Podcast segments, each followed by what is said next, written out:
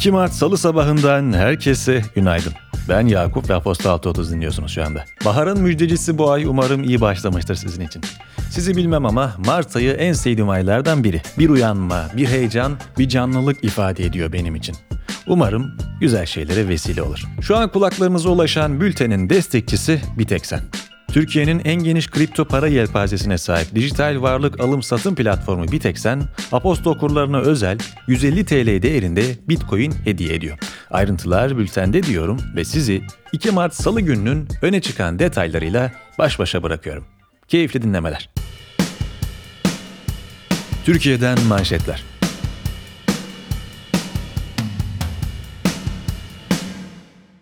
Dün gerçekleşen kabine toplantısının ardından kontrollü normalleşme sürecinin ayrıntıları belli oldu. Bu kapsamda iller çeşitli kriterlere göre düşük riskli mavi, orta riskli sarı, yüksek riskli turuncu ve çok yüksek riskli kırmızı olmak üzere sınıflandırıldı.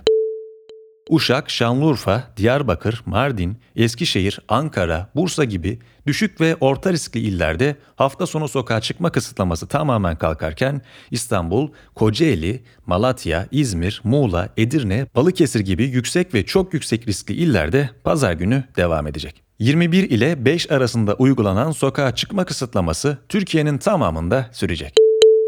Restoran, lokanta, kafeterya, tatlıcı, pastane, kıraathane, çay bahçesi gibi yerler faaliyetlerini çok yüksek riskli iller dışında 7-19 saatleri arasında %50 kapasiteyle sürdürebilecek. Kamu kurumlarının çalışma saatleri tüm Türkiye'de normale dönecek. Eğitim kurumlarının açılma sürecinde Milli Eğitim Bakanı Ziya Selçuk'un paylaştığı kriterler uygulanacak. Türkiye İstatistik Kurumu'nun verilerine göre Türkiye'de gayri safi yurt içi hasıla 2020'nin dördüncü çeyreğinde bir önceki yılın aynı dönemine göre %5,9 arttı. 2020 yılında Türkiye ekonomisi bir önceki yıla kıyasla %1,8 büyüdü ve Türkiye verisi açıklanan G20 ülkeleri arasında Çin'in ardından büyüme kaydeden ikinci ülke oldu. Geçtiğimiz yıl 9127 dolar olan kişi başına gayri safi yurt içi hasıla 8599 dolar olarak hesaplandı. Türkiye'nin 2020'yi büyümeyle kapatan nadir ülkelerden biri olduğunu belirten Hazine ve Maliye Bakanı Lütfü Elvan, 2021'in temel önceliğinin fiyat istikrarının sağlanması olduğunu ifade etti. Hazine ve Maliye Bakanlığı'ndan yapılan açıklamada kripto paralara ilişkin gelişmelerin bakanlık tarafından yakından takip edildiği ve Merkez Bankası, BDDK, SPK ve ilgili diğer kurumlarla işbirliği halinde çalışmalar yürütüldüğü belirtildi. İstanbul Sanayi Odası tarafından açıklanan Türkiye İmalat Sektörü Satın Alma Yöneticileri Endeksi bir önceki aya kıyasla 2,7 puan azalarak Şubat ayında 51,7 olarak gerçekleşti. Endeks üst üste 9. ayda da eşik değer 50'nin üzerinde gerçekleşerek koşullarda iyileşmenin sürdüğüne işaret etti. Öte yandan İstanbul Ticaret Odası verilerine göre İstanbul'da Şubat ayında bir önceki aya kıyasla perakende fiyatlar %1,48, toptan fiyatlar %0,36 arttı. Yıllık bazda perakende fiyatlarının %15,45 artmasıyla İstanbul'da yıllık enflasyon 18 ayın zirvesinde kaydedildi. Cumhurbaşkanına alenen hakaret suçlamasıyla haklarında 4'er yıl 8'er ay hapis cezası istemiyle yargılanan Müjdat Gezen ve Metin Akpınar beraat etti. İnsan Hakları İzleme Örgütü, Uluslararası Hukukçular Komisyonu ve Türkiye İnsan Hakları Davalarına Destek Projesi, Avrupa Konseyi'nin siyasi karar alma organı olan ve Avrupa İnsan Hakları Mahkemesi'nin kararlarının uygulanmasını denetleyen Bakanlar Komitesi'nden AHİM'in Kavala'nın serbest bırakılması kararına kayıtsız kalan Türkiye'ye karşı ihlal süreci başlatmasını talep etti. Üçte ikilik oy çoğunluğuyla ahim kararlarına uymayan Avrupa Konseyi üyesi ülkelere karşı ihlal süreci başlatma yetkisine sahip olan Bakanlar Komitesi, ahim'in bağlayıcı kararına uyulmadığını teyit etmesi durumunda söz konusu ülkenin üyeliğinin ya da oy hakkının askıya alınması gibi yaptırımlar uygulayabiliyor. Komite 9-11 Mart tarihlerinde Kavala davasını dördüncü kez ele alacak. Dünyadan manşetler.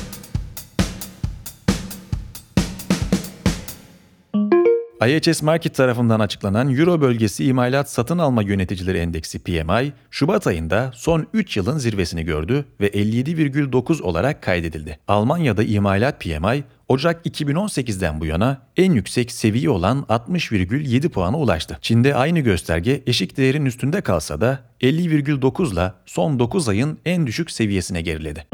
Yolsuzluk, rüşvet ve görevi kötüye kullanma suçlamalarıyla yargılanan eski Fransa Cumhurbaşkanı Nicolas Sarkozy 3 yıl hapis cezasına çarptırıldı. Sarkozy, 2 yılı ertelenen cezayı ev hapsinde geçirebilir ve kendisine elektronik kelepçe takılabilir. Sarkozy'nin karara itiraz etmesi bekleniyor.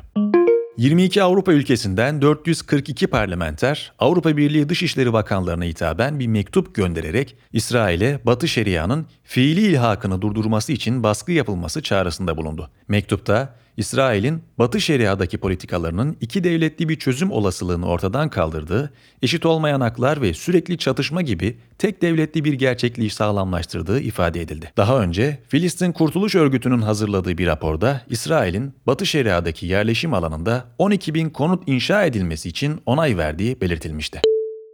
İsrail Başbakanı Benjamin Netanyahu, geçtiğimiz hafta Umman Körfezi'nde İsrail merkezli bir şirkete ait yük gemisinde meydana gelen patlamanın sorumlusu olarak İran'ı işaret etti.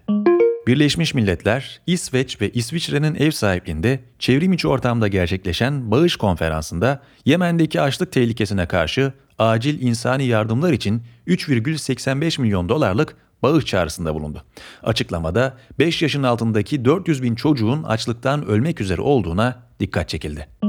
Ermenistan'da Başbakan Paşinyan'ın istifasını isteyen bir grup göstericinin hükümet binasına girdiğini gösteren görüntüler paylaşıldı. Ermenistan'da ordunun Paşinyan'ın istifasını istemesiyle başlayan olaylara ve arka planında yaşananlara dair ayrıntılar için bültende yer alan Politika kanalına göz atabilirsiniz. Barcelona'nın eski kulüp başkanı Josep Maria Bartomeu ve eski yönetim kurulu üyesi 3 kişi Barçagate soruşturması kapsamında gözaltına alındı ve kulübe bağlı ofislerde polisin arama yaptığı belirtildi. İspanya basınında Barçagate olarak adlandırılan soruşturmada Bartomeu ve diğer yöneticilerin aralarında Lionel Messi, Gerard Pique gibi isimlerin de bulunduğu futbolcu ve yöneticiler hakkında sosyal medyada karalama kampanyaları düzenlediği iddia ediliyor. Politika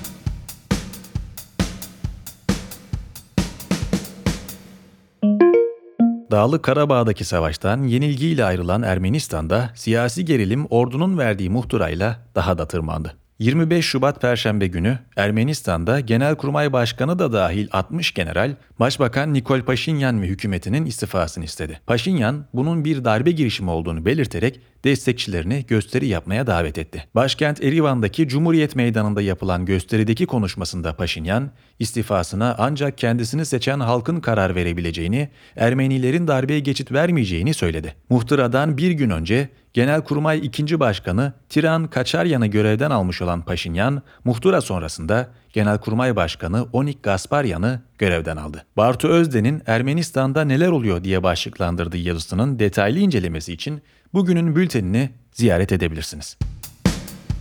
Piyasalar ve ekonomi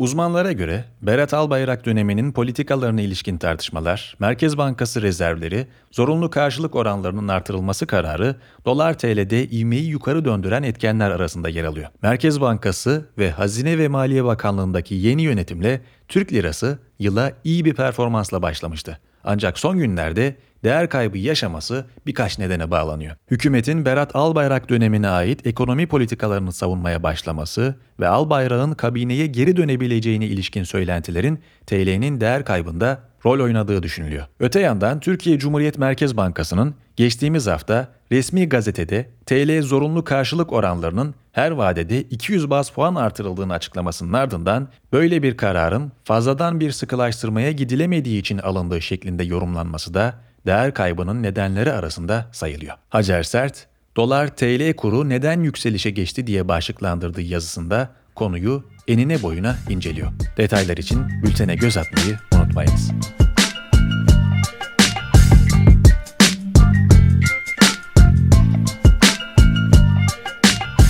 ...2 Mart Salı gününün detaylarını dinlediniz. Ben Yakup. Keyifli bir gün diliyorum size. Kimselere söz vermeyin. Perşembe günü yeniden buluşalım. O vakte kadar kendinize iyi bakın.